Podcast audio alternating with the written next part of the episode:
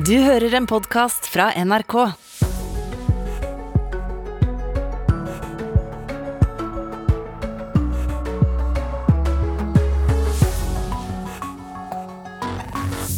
Og med nyhetene til Jon er Nyhetsmorgen godt i gang her i NRK P2 og NRK1 på denne mandagen i juli. Flypriser, strømpriser, de har gått i været, og vi skal høre hvorfor og hva det gjør med folk. Det er såpass dyrt, det gjør det i hvert fall vanskelig for oss unge å reise. For vi har jo ikke råd. Og hvordan går det med resten av prisene? Statistisk sentralbyrå kommer med fersk prisstatistikk. Det skjer klokken åtte, og du får det på direkten her. Det har skjedd store forandringer med drosjemarkedet i mange land de siste årene, og nå viser dokumenter som er lekket fra Uber, en av de virkelig store aktørene, at toppsjefen selv brukte etisk tvilsomme, kanskje også ulovlige taktikker for å vokse over hele verden. Og så husker vi bildene fra helgen. Demonstranter som badet i presidentens svømmebasseng og festet i palasset på Sri Lanka. Hva ligger bak opprørerne som tvang ham til å gå av? tøffe tak også for uh, fotballandslaget. De møter England i kveld og i EM, og sier selv, en av toppspillerne våre, at uh, England er favoritter. Men altså, det å fly, det er blitt uh, vanskelig og ikke minst dyrt den siste tiden. Flyselskapet Norwegian har økt billettprisene betydelig på mange avganger etter at flygerne i SAS gikk ut i streik. Men det er helt normalt når så mange er ute etter noen få ledige flysetter, sier selskapet selv. Kanskje ikke så smart i lengden å tyne kundene, mener en flyanalytiker. En tur-retur-billett med Norwegian til en av de mest populære destinasjonene rundt Middelhavet kan nå koste 10 000-12 000 kroner, som er langt over det normale, bekrefter kommunikasjonsdirektør Grete Roald i Norwegian. Ja, det er nok eh, litt uvanlig at prisene blir så, såpass eh, høye. Men nå er det jo også sånn at vi, vi, ser jo at det er veldig mange flere enn vanlig som prøver å få billetter veldig tett på den reisedatoen de skal ut og reise. Det er altså den gamle leksa om at prisene øker når mange vil ha den samme varen og tilbudet er begrenset. Nå er det sånn at Priser på flybilletter er dynamiske, og de styres av tilbud og etterspørsel. Men hvordan settes den høye prisen? Flyanalytiker Hans-Jørgen Elnes har fartstid fra Ryanair, og beskriver hvordan pågangen på flyselskapenes nettsider tolkes av datamaskinene. Så titter man litt, men hvis veldig mange titter og konverterer, dvs. Si at de gjør en booking, så forstår disse algoritmene at uh, nå er det gode tider, og dermed så kan da prisene gå opp I motsatt fall, hvis det er eh, mange som kommer inn og ser på, og ingen eh, veldig få booker, så snur de om og lager mer attraktive priser. Så dette er et veldig, veldig smart system som funker bra normal, i normale tider. Men nå er det ikke normale tider, og da blir det litt annerledes. De ekstraordinært høye flyprisene kommer etter pandemien som satte de fleste flyene på bakken og ga kutt i antall flyansatte rundt om i Europa. Deretter kom krigen i Ukraina som bidro til høye priser på flybensin. Og nå her hjemme en streik i SAS som sendte kundene rett til konkurrentene. Ja, For oss her i, i, Norge så betyr jo det at tilbudet av flyseter eh, ble redusert eh, vesentlig her fra og med mandag. Og de få setene som da er tilgjengelige, de eh, blir jo da eh, forholdsvis dyre for de som skal kjøpe dem. Men det er ikke slik at flyselskapene utnytter dette her for de få setene de kan selge. Å og ta en ekstrem pris for det, det, det er ikke så smart i det lange løp. Men det er systemet bare fungerer sånn, og så blir det kostbart da for de som skal ut og reise nå på de mest populære destinasjonene. Pakkereiseselskapet Ving sier at de ikke setter opp prisene, men de vil heller ikke gi noen rabatter denne sommeren. Og dersom man ikke må til en bestemt destinasjon på en bestemt dag, er det fortsatt mulig å finne rimelige flyreiser i sommer, sier Grete Roald i Norwegian. Hvis man har muligheten til å være fleksibel, både når det gjelder kanskje dato, men også når det gjelder å finne kanskje ruter som, som ikke er de samme rutene som alle andre vil gjerne reise til, så er det godt mulig å finne gode priser til sol og varme i sommerferien og i skoleferien også i år. Reporter var Lars Håkon Pedersen, og så var vi på gaten og traff noen mennesker. Og for å høre hva de økte flyprisene Om det er noe de kommer til å merke. Ja, jeg har uh, lagt merke til det. Prøver jo å planlegge en uh, utenlandstur. Men det blir jo vanskelig når uh, prisene bare stiger mer og mer og mer. Jeppe prøver å få til en sydentur til NIS i Frankrike nå i juli. Men det blir dyrt for den 22 år gamle studenten om han skal reise med fly. Rolf på 55 har også fått merke at flyprisene har gått opp. Jeg måtte til Portugal forrige uke, eller den siste uka. Og bare på den flybilletten som normalt koster en rundt 4000, føyk opp til 8000. Hva syns du om det, da? Jeg syns det er helt greit. Altså, det må koste å fly. Det er forurensende. Eh, og det er ikke et typisk nødvendighetsgode eh, overalt. Men Jeppe syns derimot ikke noe om at flyprisene stiger. Jeg syns jo det er veldig kjipt. Så at det er såpass dyrt, gjør det i hvert fall vanskelig for oss unge å reise. For vi har jo ikke råd til å betale så mye. Reporter var Maria Jostad. Og så er det én uke siden SAS-flygerne gikk ut i streik. Reporter Marit Sirum Eikre, hva er status for SAS-streiken? Ja, Så langt så ser situasjonen fortsatt svært fastlåst ut. Det har de siste dagene ikke vært kontakt mellom partene, og foreløpig er det ingenting som tyder på at det kommer til å skje i nærmeste framtid. Men hva, hva vet vi om situasjonen? Ja, Det vi vet er at vi i NRK snakket med leder Roger Klokseth i Norske SAS-flygeres forening i går. Og på spørsmål om hva som skal til for at pilotene setter seg ned til forhandlingsbordet igjen, så svarte han dette. Nei, vi, Det er akkurat det samme som jeg har sagt hele tiden, at eh, vi trenger at SAS eh, realitetsorienterer seg i forhold til de kravene eh, de stiller på pilotgruppen, som er uforholdsmessig høye. Og så må de forholde seg til den skandinaviske modellen og til reglene i arbeidslivet vi har her hjemme.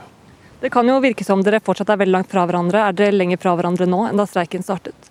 Nei, Jeg vil ikke si at vi er lenger fra hverandre, men jeg har ingen indikasjoner på at vi er nærmere heller. Vi har hørt litt i sted om hvordan streiken rammer passasjerene, hva det gjør med flyprisene, men hvordan blir selskapet SAS rammet? Ja, det er klart at dette er en svært vanskelig situasjon for SAS. Før pandemien hadde SAS over 800 daglige avganger. Selskapet fløy over 30 millioner passasjerer i året, og selskapet ble også hardt rammet av koronapandemien, og har varslet kostnadskutt tidligere i år på 7,5 milliarder kroner. Og det spekuleres jo nå i hvor lenge SAS i det hele tatt tåler en streik. Og enn så lenge så er det streik. Hvor, hva, hva kan du si om eh, avlyste avganger? Ja, Det kommer altså ingen samlet oversikt, men jeg har sittet nå på morgenen og talt og sett på Avinors eh, hjemmesider. Og um, det jeg klarer å telle meg fram til, er at det bare i dag er 142 kansellerte avganger fra norske flyplasser. Av dette så er det ni innstilte avganger fra Bergen, 73 fra Gardermoen, 10 fra Stavanger, 10 fra Tromsø, 13 fra Værnes og 2 fra Ålesund. Takk for oversikten, Marit Sirum Eikere. Skipsstedsjefen Kristin Skogen Lund skal vi høre nå. Hun går altså ut mot regjeringens eh, såkalte storrengjøring i arbeidslivet, og sier at hun blir fortvilet over denne ordbruken og mener innstramminger på det å kunne ansette midlertidig ikke er smart politikk. Hvis vi hadde sagt at vi skal holde det rent og ryddig i arbeidslivet hele tiden, det er jeg veldig for. Men uttrykk og storrengjøring, da gir du inntrykk av at det er et veldig skittent sted, og det er det ikke. Det er, du finner noe smuss her og der, og det skal vi få bukt med.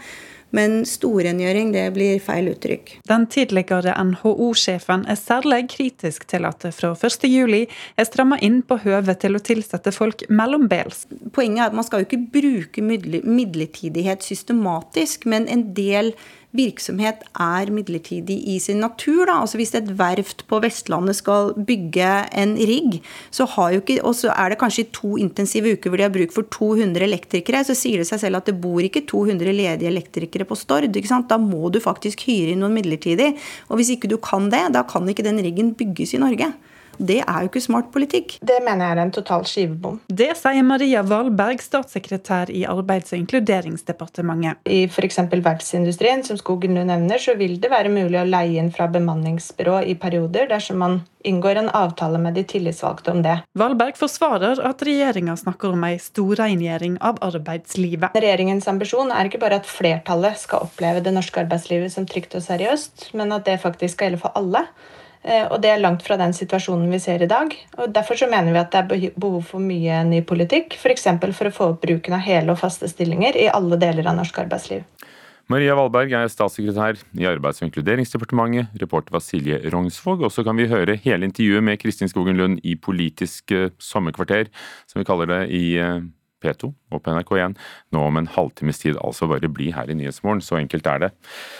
Norge fikk jo en drømmestart i fotball-EM med 4-1-seier mot Nord-Irland sist torsdag. Men i kveld så er det langt tøffere tak for kvinnelandslaget. De skal møte vertsnasjonen England. Alle sier de er favoritter, også vår egen toppspiller Caroline Graham Hansen.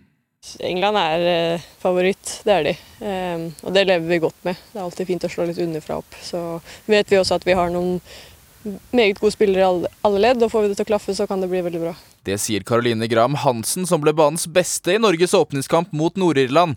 Hun tror England har respekt for Norges offensive trio. Vi vet jo at de er et bra offensivt lag, så vi må jo ha en bra defensiv eh, struktur. Og så tror jeg vi bare må klare å finne relasjonen offensivt. Eh, vi har et bra angrep som jeg tror England har respekt for. Og så håper vi at vi klarer å få utløp for de tingene vi gjorde mot Nord-Irland, også mot England. Norge de får i kveld testet seg mot en av de største favorittene til å vinne årets mesterskap.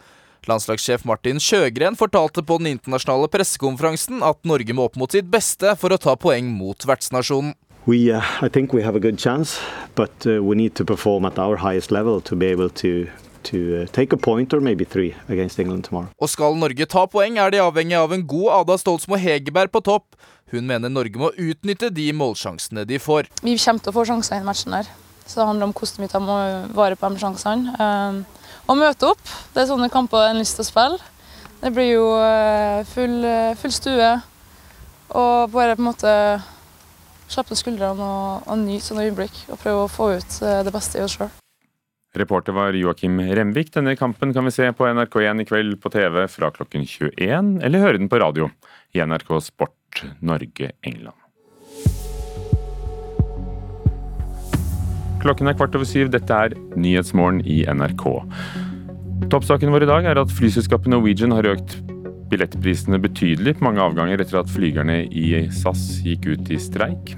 I USA sier Donald Trumps tidligere rådgiver Steve Bannon at han likevel vil vitne i kongresshøringen om stormingen av Kongressen 6.1 i fjor. Bannon risikerer straffeforfølgelse etter at han i månedsvis har nektet å møte i Kongressen og stadig færre er med på dugnad eller frivillig arbeid. Det er de unge som deltar minst, og vi skal høre noen av dem og forklaringene deres. På få år er eh, drosjenæringen blitt uh, dypt forandret i mange land, og nå viser interne dokumenter fra en av de aktørene som har stått for denne forandringen, nemlig firmaet Uber, at selskapet brukte etisk tvilsomme og muligens ulovlige taktikker for å vokse over hele verden, med denne appen som formidler bilturer. Dette viser lekkasjer til flere store internasjonale medier, som har havnet på forsidene over hele verden i dag. Reporter eh, Marit Kolberg, du har sett eh, nærmere på dette. Hva er det Uber skal ha gjort? Ja, Det er kjempelekkasjer, bare for å få ta det først. at Det er over 100 000 dokumenter som er lekket til store aviser som The Washington Post, eh, Le Monde, The Guardian, France Info Ja, jeg trenger ikke å ramse opp eh, alle. Eh, men det er en stor undersøkelse. Det er en stor undersøkelse, mye informasjon som ligger her. Og det viser jo bl.a. at toppolitikere skal ha hjulpet Uber med å få etablert seg. Emmanuel Macron, Frankrikes eh, president, skal ha hjulpet drosjeselskapet da han var økonomiminister i Frankrike. Og EU-kommisjonær Nelly Kroos, nederlandsk, skal ha hjulpet dem med med å forandre taxiindustrien i flere land. Macron skal ha lovet eh, å endre loven slik at Uber skulle slippe til i gatene. Og han skal ha hatt fire møter minst med Uber-sjefen, vært på fornavn med han, fått mailer fra en ekstremt takknemlig Uber-sjef, og ifølge Le Monde så skal det vært inngått en eh, hemmelig avtale eh, da, om et slikt samarbeid, da tjenesten jo var forbudt i Frankrike. Og det ble mye bråk, protester mange steder i verden da tjenestene ble lansert i, i forskjellige byer. Hvordan skal Uber da, for dette er en av postene, ha utnyttet dette? Ja, Washington Post eh, skriver at eh, ledelsen kastet seg rundt hver gang eh, slike ting skjedde, og sørget for å få omtale. En SMS fra sjefen lyder at 'jeg tror det er verdt det hele', vold garanterer suksess. En tidligere leder uttaler til The Guardian at dette er en del av firmaets strategi, og mailer med formuleringer som dette er noe som kan brukes til vår fordel. En leder har sågar skrevet at vi lar dette fortsette i noen dager, og så presenterer vi en løsning. Og Da må vi jo da minne om at eh, sjåførene deres ble jo banket opp, eh, biler ble veltet og ramponert. Og det må i perioder ha vært eh, ganske tøft og til dels ubehagelig å være Uber-sjåfør. Men noe spesiell beskyttelse fra sine ledere ser det jo da ikke ut til at de fikk. Hva sier Uber til dette, er de blitt forelagt påstandene? Uber sier at de erkjenner tidligere feil, men avviser også at det, har, eh, at det, drives slik i dag. De sier det er ny ledelse nå, og det er ikke sånn det, det drives eh, lenger. Og EU-kommisjonæren Nelly Kroes, eh, den nederlandske som vi jo nevnte her, benekter at hun har hatt noe uformell kontakt og rolle i Uber. Hun sier at hun har jobbet for deres og forbrukernes interesser. Takk, utenriksreporter Marit Kolberg. I mellomtiden brygger det da til politisk oppvask, bl.a. i Frankrike, etter, etter disse avsløringene som kommer i dag i store deler av verden. Her i Norge så har vi merket oss uh, i går kveld at strømprisen har passert uh, tre kroner i Sør-Vest-Norge for en kilowatt-time. Det er første gang dette skjer på sommerstid, skriver bransjenettstedet Europower. Reporter Per Søreide Senstad, hvorfor er strømmen dyr? Det er jo uh, et stort spørsmål. Uh, strømanalytiker Tor Reiner Lilleholt i Volue Insight peker på to hovedfaktorer for å forklare hvorfor prisene er så høye akkurat nå. For det første har Ukraina-krigen gjort at europeiske land importerer uh, mindre energi fra Russland enn de pleide å gjøre. Og dette påvirker også det generelle etterspørselen etter energi, og derfor også strømprisene i Europa. For det andre er det mindre strøm i norske vannmagasiner enn vanlig, og dette påvirker kraftprodusentenes mulighet til å øke produksjonen i møte med den høye etterspørselen. I Nord-Norge er det derimot ganske billig strøm, 0,03 kWt har vi sett. Så det er jo ikke overalt. Og så er det jo da kraftkablene mellom Norge og Europa eh, som det har vært mye snakk om. Eh, er det pga. at den selges til utlandet at det er høye priser på strømmen i Sør-Norge? Det er vanskelig å slå fast akkurat hvordan disse kablene påvirker prisene, eh, men de gjør nok det på en eller annen måte. Det er ikke sånn at det eksporteres eh, store mengder av strøm ut av Norge hele tiden. Men kablene gjør at det finnes eh, et alternativt marked for strømmen i Sør-Norge. Den kan i utgangspunktet sendes til Europa, hvor man er villig til å betale mye for strøm akkurat nå. Og det påvirker de norske prisene. Takk. Per Søreide Senstad, reporter. Demonstrantene i Sri Lanka sier at de vil fortsette å okkupere presidentpalasset, som de da tok seg inn i helgen, der eh, presidenten da til slutt eh, gikk med på å gå av. Det skal skje på onsdag, for det var jo litt av noen bilder eh, som kom ut i verden. Folk satt og skålet midt blant forgylte møbler og badet i badebassenget til presidenten på Sri Lanka, og til slutt så sa altså Gotabaya Rajapaksa at han går av. Professor Øyvind Fuglerud ved Universitetet i Oslo, du, du kjenner Sri Lanka godt. og, og Minn oss igjen på hva ligger bak disse voldsomme demonstrasjonene, for dette har pågått i månedsvis. Det har eh, pågått eh, lenge nå, eh, siden slutten av februar i alle fall, i, på en mer systematisk måte.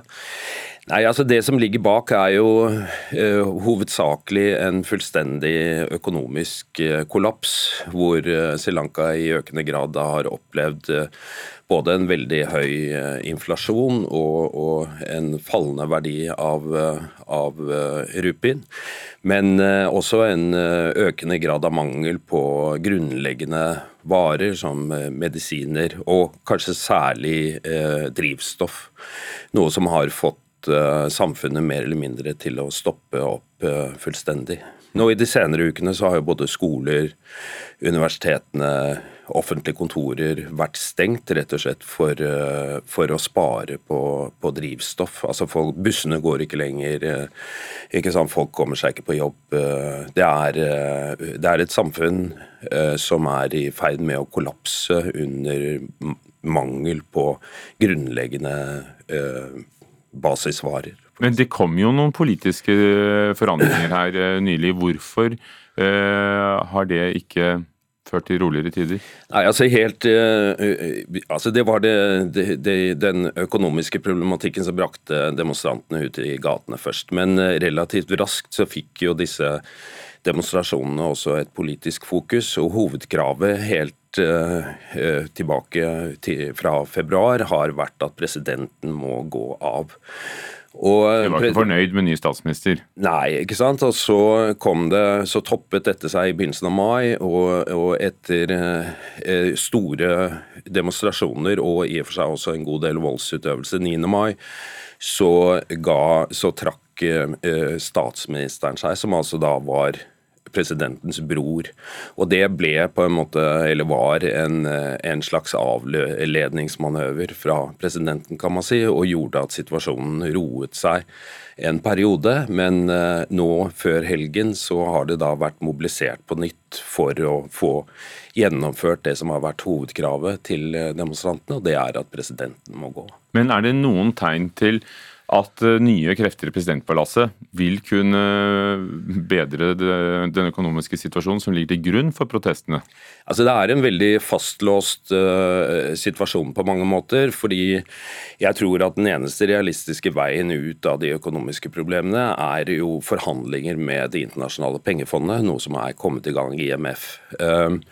Men samtidig så tror jeg neppe at flertallet av demonstrantene vil Eh, være fornøyd med bare å få en, eh, en, eh, politiker, altså en ny politiker av den gamle garde, for å si det på en måte, inn i, inn i presidentstolen. Jeg tror ikke det vil være nok. Altså I økende grad så har disse demonstra demonstrasjonene vært en protest ikke bare mot presidenten personlig, men også det skal vi si, system, politiske systemet eller den politiske kulturen som har brakt disse folkene inn i de posisjonene de har vært. Så det er et krav om en mer grunnleggende politisk forandring ute blant folk. Men Øyvind Fullerud, du som da har uh, forsket nettopp på Sri Lankas politiske historie.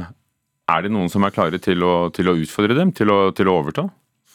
Ja, altså det er, eh, Jeg tror ikke det vil være vanskelig i for seg å, å finne kandidater til, eh, til presidentrollen, men spørsmålet er om det er mulig å transformere dette politiske engasjementet som er ute i gatene, til en politisk endring. Og Det er en mye større oppgave, mer krevende oppgave, fordi det krever en, en endring av hele landets politiske system.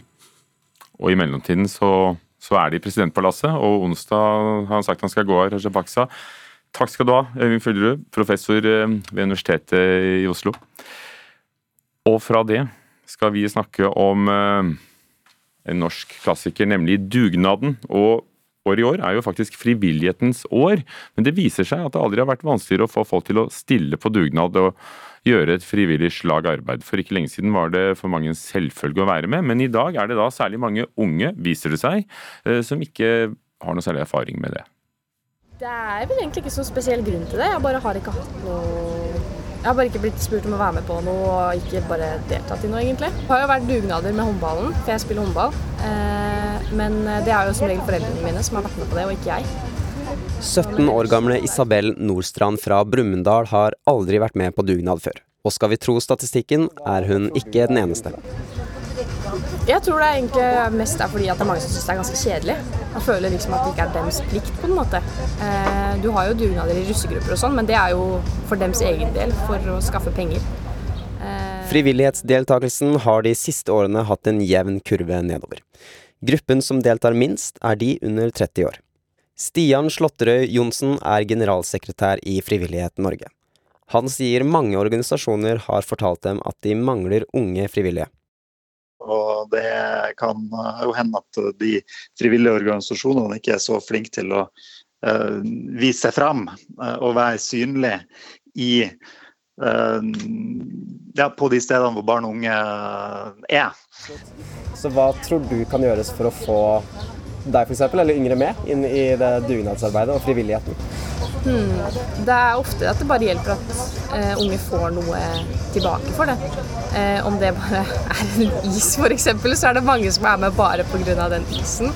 Har jeg lagt veldig merke til, spesielt når det er på skolen, så er det veldig mange som blir veldig mye mer aktive når det er eh, noe å få tilbake fra det. da. Generalsekretæren i Frivillighet Norge tror koronapandemien generelt har bidratt til en lavere deltakelse. Jeg vil jo si at jeg, vil, jeg, er ikke sikker på om det er sånn at ikke det finnes en dugnadsånd uh, blant, blant, unge. Jeg vet at det er veldig mange engasjerte unge. Uh, så jeg tror at engasjementet er stort, og at uh, da vår jobb som, som frivillige organisasjoner er å vise at vi er der han sier videre at mange har mistet vanene til å jobbe frivillig, og at det er en grunn til at spesielt festivaler mangler frivillige. Livestock-festivalen er en av de som virkelig har slitt. Vi har slettet mye, det skal sies. Eh, det har vært Vi har gått ut mange ganger, bare brukt våre egne kanaler med sosiale medier og sånt, eh, for å huke tak i frivillige, men det har gått virkelig tregt. Det sa festivalsjef Sunniva Brennmoen Strype. Hun frykter at de kan bli nødt til å gi betalt dugnad for å få folk til å hjelpe til i senere år.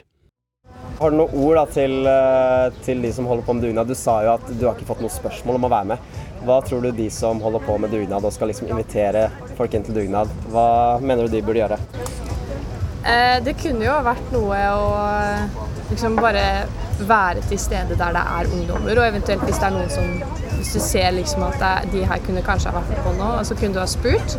Eller bare si til forskjellige skoler at det er dugnad hvis noen vil være med på det. Og liksom bare være engasjerte på ungdommen, da, på en måte. Reporter var Simon Elias Bogen. Hva med en dresintur? Bli med etter Dagsnytt etter Nyhetsmorgen i NRK.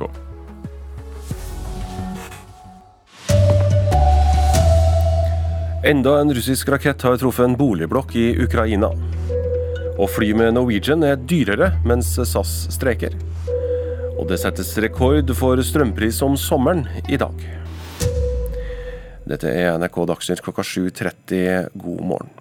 Vi skal begynne i Ukraina, der den der det altså er slått ned en rakett i en boligblokk i Kharkiv. Ifølge The Kyiv Independent er det en russisk rakett som har truffet boligblokka. Og reporter Joakim Reigstad i Ukrainas hovedstad Kyiv, hva er det du mer kan fortelle om dette? Ja, det er en ganske alvorlig situasjon. Nok en gang altså så er det en boligblokk som rammes av raketter. Og slik vi forstår det, er det fortsatt eh, ikke full oversikt over hvor mange skadde og drepte det er eh, i dette angrepet, fordi at man fortsatt leter i ruinene. Men det er en uoversiktlig og alvorlig situasjon nok en gang i, eh, for sivilbefolkningen her i Ukraina. Nå har det vært flere slike rakettangrep i Ukraina. Er disse boligblokkene mål, eller treffes de fordi russiske raketter ikke er presise nok? Det kan nok være en kombinasjon, men vi vet jo at eh, russiske styrker også har brukt mye krefter på å skape en eh, frykt i befolkningen, nettopp ved å ramme sivile mål. Det er i hvert fall det ukrainske militære myndigheter har påstått at dette her er angrep som skjer fordi at man vil skremme befolkningen som, som bor der. Men eh, vi vet jo også at mye av det russiske materiellet er gammelt og utradert, slik at det kan selvfølgelig også være en delvis forklaring. Vi vet ikke helt hvordan situasjonen er rundt denne boligblokken, om det er militære mål i nærheten. Men ofte har vi jo sett også at boliger har blitt eh, angrepet uten at det har vært åpenbare militære mål i nærheten som kunne ha vært eh, det egentlige målet. Takk skal du ha så langt, Joakim Rekstad i Kyiv. Vi får melde mer om dette etter hvert som detaljene kommer inn. Men det vi vet er at i dag fortsetter opprydning etter at en rakett traff en annen boligblokk i byen Khasivjar i går, og minst 15 mista livet. Ukrainske redningsarbeidere håper å finne overlevende i ruinene i dag, melder nyhetsbyrået AFP. Det brenner ved et industribygg på havna i Vadsø i Finnmark. Nødetatene har ikke kontroll på brannen ennå, ifølge politiet. Og det er mye røyk på stedet, og folk blir bedt om å holde seg på avstand. Flyselskapet Norwegian har økt billettprisene betydelig på mange avganger etter at flygerne i SAS gikk ut i streik. Det forklarer de med at det er slik markedet fungerer. En tur-retur-billett med Norwegian til en av de mest populære destinasjonene rundt Middelhavet kan nå koste 10 000-12 000 kroner, som er langt over det normale, bekrefter kommunikasjonsdirektør Grete Roald i Norwegian. Ja, det er nok eh, litt uvanlig at prisene blir så, såpass eh, høye. Men nå er det jo også sånn at vi, vi ser jo at det er veldig mange flere enn vanlig som prøver å få billetter veldig tett på den reisedatoen de skal ut og reise. Men hvordan settes den høye prisen? Flyanalytiker Hans-Jørgen Elnes har fartstid fra Ryanair, og beskriver hvordan pågangen på flyselskapenes nettsider tolkes av datamaskinene. Så titter man litt, men hvis veldig mange titter og konverterer, dvs. Si at de gjør en booking, så forstår disse algoritmene at uh, nå er det gode tider, og dermed så kan da prisene gå opp. Men det er ikke slik at flyselskapene utnytter dette her for de få setene de kan selge. Eh, å ta en ekstrem pris for det, det, det er ikke så smart i lange løp. Pakkereiseselskapet Ving sier at de ikke setter opp prisene, men de vil heller ikke gi noen rabatter denne sommeren. Og dersom man ikke må til en bestemt destinasjon på en bestemt dag, er det fortsatt mulig å finne rimelige flyreiser i sommer, sier Grete Roald i Norwegian. Når det gjelder å finne kanskje ruter som, som ikke er de samme rutene som alle andre vil gjerne reise til, så er det godt mulig å finne gode priser til sol og varme i sommerferien og i skoleferien også i år. Reporter her Lars Håkon Pedersen. Og etter det NRK vet, har det ikke vært kontakt mellom partene i SAS-streiken de siste dagene. Ifølge Avinors oversikt er det i dag 142 innstilte avganger fra norske flyplasser. Og som ikke det var nok, så går også prisen på strøm opp flere steder. I dag passerer prisen for en kilowatt strøm tre kroner i Sørvest-Norge. Det er første gang dette skjer sommertid, skriver bransjenettstedet Europower. Og reporter eh, Per Sørede Senstad, hvorfor er strømmen så dyr nå? Det er jo et stort spørsmål. Eh, strømanalytiker Tor Reier Lilleholt i Volue Insight peker på to hovedfaktorer for å forklare hvorfor prisene er så høye akkurat nå. For det første har Ukraina-krigen gjort at europeiske land importerer mindre energi fra Russland enn de gjorde før. og Dette påvirker etterspørselen etter strøm, og derfor prisene på kontinentet. For det andre er det mindre vann i norske vannmagasiner enn vanlig. Og Det gjør at kraftprodusentene her hjemme har begrenset mulighet til å øke produksjonen i møte med den økte etterspørselen. Og Dette påvirker jo selvfølgelig også prisene. Og Så blir disse kraftkablene mellom Norge og Europa trukket fram. Er det pga. krafteksport at det er så dyr strøm i Sør-Norge? Mm, det er vanskelig å slå fast akkurat hvordan eksporten slår inn. Det er ikke sånn at Norge hele tiden eksporterer store mengder strøm. Men eh, kablene gjør jo på en måte at Sør-Norge er koblet på det europeiske kraftmarkedet. Det betyr at vi, har, liksom, vi konkurrerer hele tiden med europeerne som er villige til å betale veldig mye for strømmen vår. Og dette påvirker prisene i de delene av Norge som har kabler. Og vi ser jo at prisene i Nord-Norge, som ikke er koblet på det europeiske markedet, har helt andre priser. Takk skal du ha så langt, Per Sørede Senstad. Skibsted-sjef Kristin Skogen Lund går ut mot regjeringas såkalte storrengjøring i arbeidslivet. Hun sier hun er fortvilt over ordbruken, og mener innstrammingen av midlertidige ansettelser ikke er smart politikk hvis vi hadde sagt at vi skal holde det rent og ryddig i arbeidslivet hele tiden, det er jeg veldig for. Men uttrykk og storrengjøring, da gir du inntrykk av at det er et veldig skittent sted, og det er det ikke. Det er, du finner noe smuss her og der, og det skal vi få bukt med. Men storrengjøring, det blir feil uttrykk. Den tidligere NHO-sjefen er særlig kritisk til at det fra 1.7 er stramma inn på høvet til å tilsette folk mellombels. Poenget er at man skal jo ikke bruke midlertidighet systematisk, men en del virksomhet er midlertidig i sin natur. Da. Altså Hvis et verft på Vestlandet skal bygge en rigg, og så er det kanskje i to intensive uker hvor de har bruk for 200 elektrikere, så sier det seg selv at det bor ikke 200 ledige elektrikere på Stord. Da må du faktisk hyre inn noen midlertidig. Det mener jeg er en total skivebom. Det sier Maria Valberg, statssekretær i Arbeids- og inkluderingsdepartementet. I f.eks. verftsindustrien, som Skogen nå nevner, så vil det være mulig å leie inn fra bemanningsbyrå i perioder dersom man inngår en avtale med de tillitsvalgte om det. Reporter her var Silje Rognsvåg, og du kan høre mer fra Kristin Skogen Lund i Politisk sommerkvarter i NRK P2 klokka 7.45. Det er ikke så fryktelig lenge til. I USA sier Donald Trumps tidligere rådgiver Steve Bannon at han likevel vil vitne for komiteen som etterforsker angrepet på Kongressen 6.1 i fjor. Bannon risikerte straff etter å ha nekta å møte, til tross for at komiteen stevna han som vitne. Komiteen mener Bannon vet mer om hendelsene 6.1 i fjor var planlagt før de skjedde. En av Norges eh, største turistattraksjoner må merkes på nytt, mener flere. De mener steinhuggerne som hogget ut monolitten for Gustav Vigeland, bør krediteres i Frognerparken. Monolitten er Gustav Vigelands store mesterverk, og det tok tre arbeidere 14 år å hugge den ut. Flere av dem fikk helseproblemer av støvet fra granitten. Vi møter Lone Kjær. Hun er barnebarnet til en av de som hugget ut monolitten, og blant dem som mener at disse arbeiderne fortjener en minneplakett i Frognerparken. Jeg syns det er på sin plass at stenhuggerne og, og smijernsarbeiderne at de, at de også kommer med, altså. Men hvorfor er det så viktig at de kommer med? Altså, Det er jo faktisk et stort arbeid. Mange år ligger bak. De har viet livet sitt til dette. eh, Og helsa si også. Hvis du hadde penger å by på, var saken en annen. Alle investorene har navnene sine på en egen bauta ved inngangen til parken. Der står også en statue av Gustav Vigeland selv, med hammer og meisel i hånd. Det var Vigeland som skapte monolitten. Han eh, kom opp med ideen, og han har også forutformet den 14 meter høye figurdelen av søylen. Og Steinhuggernes oppgave var jo da å kopiere fra gipsmodellen over til steinen. Så det var, det var håndverk. Det er ikke vanlig at man trekker frem håndverkerne på den måten. Det sier Guri Skuggen, som er kurator på Vigelandmuseet. Kommer dere til å vurdere å sette opp en slik eh, minnesplakett? I tilfelle så må vi gjøre mer forskning først, sånn at vi finner ut altså, en litt mer sånn komplett oversikt over hvem som jobbet for Vigeland. Men jeg har ikke noe, altså jeg tenker at ja, kanskje, kanskje det kunne ha vært noe. Mm. Reporter er Astrid Johanne Sørnes, og du kan eh, lese mer om monolitten og om steinhuggerne på nrk.no. Vi eh, gjentar at det brenner ved et industribygg i Vadsø i Finnmark, og der eh, det er en brann det ikke er kontroll på ennå. Nødetatene ber folk holde seg unna. Ansvarlig for NRK Dagsnytt, Silje Sande. I studio, Jon Branes.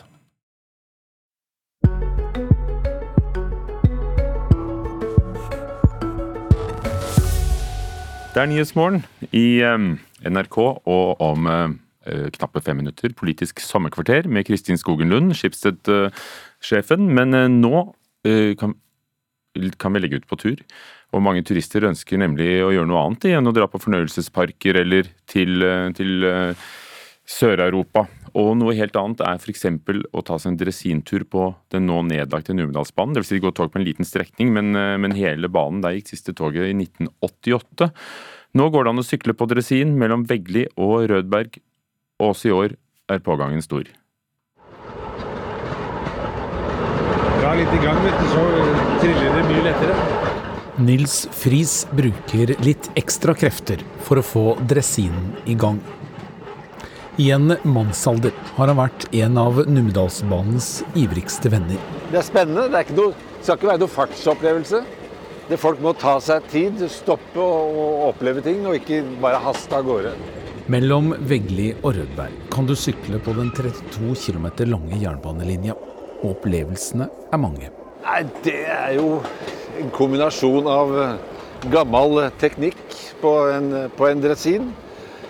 Det er eh, opplevelsen av å kjøre på noe som har liksom hatt sin historie. I form av sviller som ser litt sånn skrøpelige ut, men som holder skinnene på plass fortsatt. Og så er det litt gras mellom skinnegangen, og det kan til og med være noen, noen blomster. Og så er det jo naturen som vi passerer, da. Vi kjører jo forbi bekkefar og, og gamle stasjonsbygninger, gamle dresinbuer osv. Og, så og i et, i et, landskap, da. Altså Noen ganger så er det kanskje litt sånn tett vegetasjon, og andre ganger så åpner det seg og vi ser utover en, en innsjø som Kravikfjorden eller Norefjorden og, og Numedalslågen lenger nedover. da. Den bremsen er viktig. Paul Tore Halvorsen driver Veggli vertshus og utleien av dresinene. Den virker sånn passe. Jern mot jern, de er ikke noe bråstopp. Så avstand mellom dresinene er veldig viktig. Pågangen av turister som vil på sykkeltur er stor, også i år.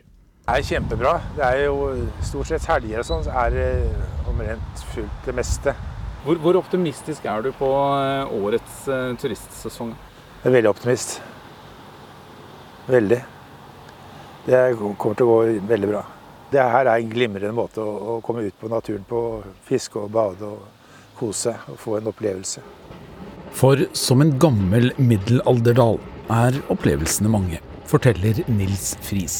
Du kan jo stoppe på og se på freda stabbur. Du kan stoppe ved Nordre stavkirke, som er en, en viktig kulturminne fra middelalderen. Da. Jeg var jo litt spent da, med både treåringer og femåringer og alt mulig, men det gikk veldig fint. Bjørg Tora Underbakke har tatt med seg storfamilien på dresintur når 70-årsdagen skal feires. Det har vært kjempegøy. Jeg har sittet med minstemann ved siden av meg hele veien, og hun har sunget og hatt det kjempefint. Og så har vi jo stoppa et sted og hatt litt sånn lefsekling som mellommat. Så det har gått veldig bra. Og det, de mellomste har sykla litt også, og det var litt ålreit. Hva er det skumleste dere har sett, da? Det var vel egentlig inni den tunnelen. Ja, inni den smertetunnelen. Ja. Men jeg hadde lommelykt. Ja, hun hadde lommelykt, så hadde vi hodelykt. Ja. Så var, så var det ikke så skummelt. Nei, det var det, da var det ikke så skummelt. På dresintur eh, langs Numedalsbanen i Buskerud, reporter var Per Håkon Solberg. Dette er Nyhetsmorgen. Blant overskriftene våre i dag er at flyselskapet Norwegian har økt billettprisene betydelig på mange avganger etter at flygerne i SAS gikk ut i streik. Det er en uke siden nå.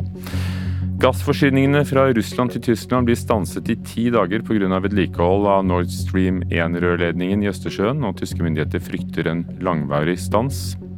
I USA sier Donald Trumps tidligere rådgiver Steve Bannon at han likevel vil vitne for Kongressen om stormingen av kongressbygningen 6.1 i fjor. Han har tidligere risikert å bli straffeforfulgt fordi han har nektet å vitne.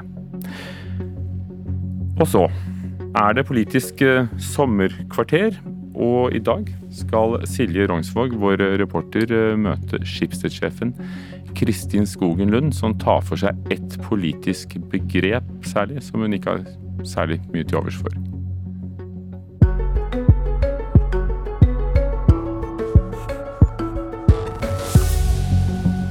Hvis et verft på Vestlandet skal bygge en rigg, så sier det seg selv at det bor ikke 200 ledige elektrikere på Stord. Da må du faktisk hyre inn noen midlertidig. Og hvis ikke du kan det, da kan ikke den riggen bygges i Norge. Det er jo ikke smart politikk. Navn? Kristin Skogen Lund. Alder? 55 år. Og stilling? Konsernsjef i Skipsted. Vi er altså på kontoret til Skipsted-sjefen, nesten på toppen av VG-bygget midt i Oslo sentrum, i regjeringskvartalet. Du har bak alle disse blendingsgardinene utsikt litt sånn utover hustakene. Og du har ansvar for ei rekke mediehus, digitale markedsplasser og finanstjenester, mellom annet. Hvis du skulle hatt et annet yrke, hva ville du ha jobba med? Jeg hadde nok elsket å være gartner. Jeg er veldig glad i hagearbeid og elsker å holde på med ting som jeg ser ganske umiddelbare resultater av. Og det å gjøre det vakkert i en hage og få ting til å gro, det, det er et eller annet naturlig og essensielt ved det som gir meg en sånn mental tilfredsstillelse.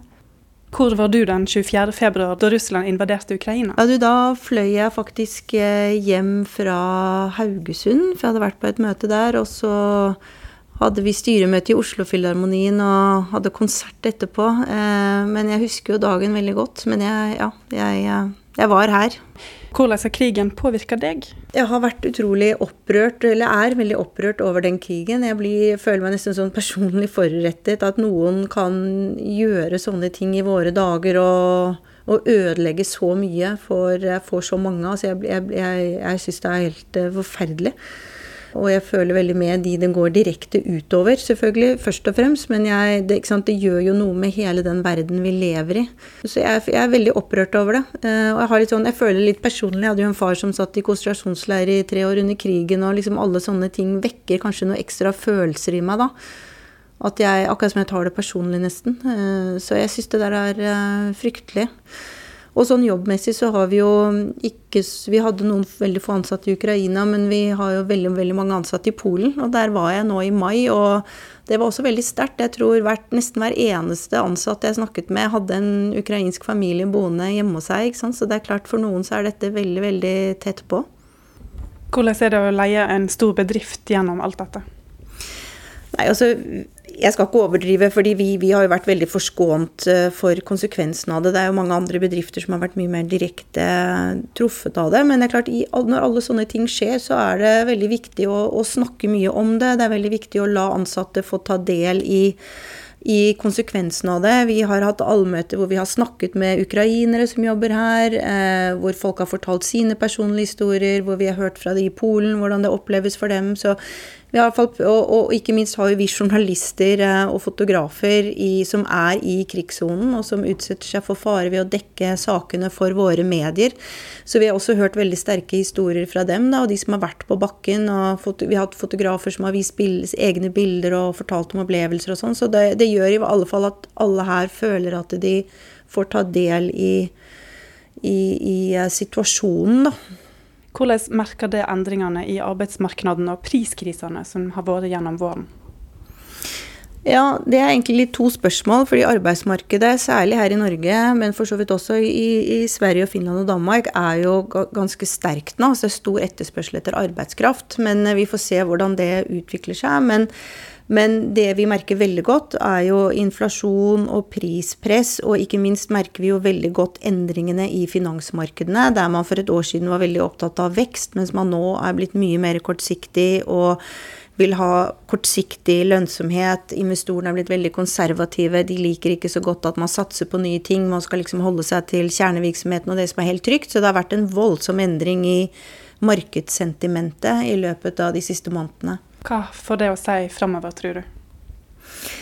Nei, altså Når du sitter og leder en bedrift som vår med mange tusen ansatte og 70 forskjellige virksomheter, så er dette en balansekunst. Fordi man må jo følge de signalene og trendene og bevare tillit hos investorene og levere det markedet er opptatt av. Men samtidig så kan man liksom ikke snu altfor brått på kort tid heller. For det er jo, vi har jo mange planer og mange prosjekter i gang her som går over lengre tid. Og du har mange ansatte som har en voldsom entusiasme og skaperkraft for det. Og det å klare å være litt mer forsiktig og konservativ uten å drepe den skapergnisten. Og det er veldig viktig. Og så er det også noe med at det er gjerne i kriser at man får unike muligheter. Så det å tørre å å være litt motsyklisk, av og til gå litt mot strømmen og kanskje benytte alle de mulighetene som også oppstår i vanskelige tider, da. Det, det er en del av den balansekunsten.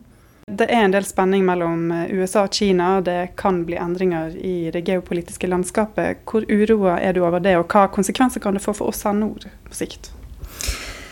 Altså det, nå så vi jo hva som skjedde med, med, Russland, og det er klart Kina er på mange måter en, en, annen joker på den globale politiske arenaen. Og vi har vel sett nå at ting vi ikke trodde kunne skje, det skjer plutselig. Eh, så, og vi har jo også et USA som ikke er like stabilt og trygt som det vi har vært vant til gjennom mange tiår nå. Så det er jo en urovekkende internpolitisk situasjon i USA også, som, som jeg mener er veldig bekymringsfull.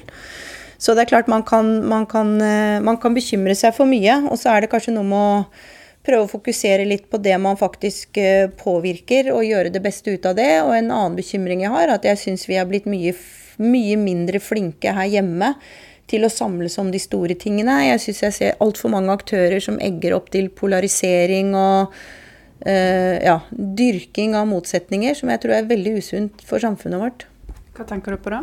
Nei, jeg syns hele det politiske klimaet har blitt mye mer preget av særinteresser. At man ikke, ikke finner sammen om de store fellesløsningene uh, i politikken som Norge har tjent på og vært gode til.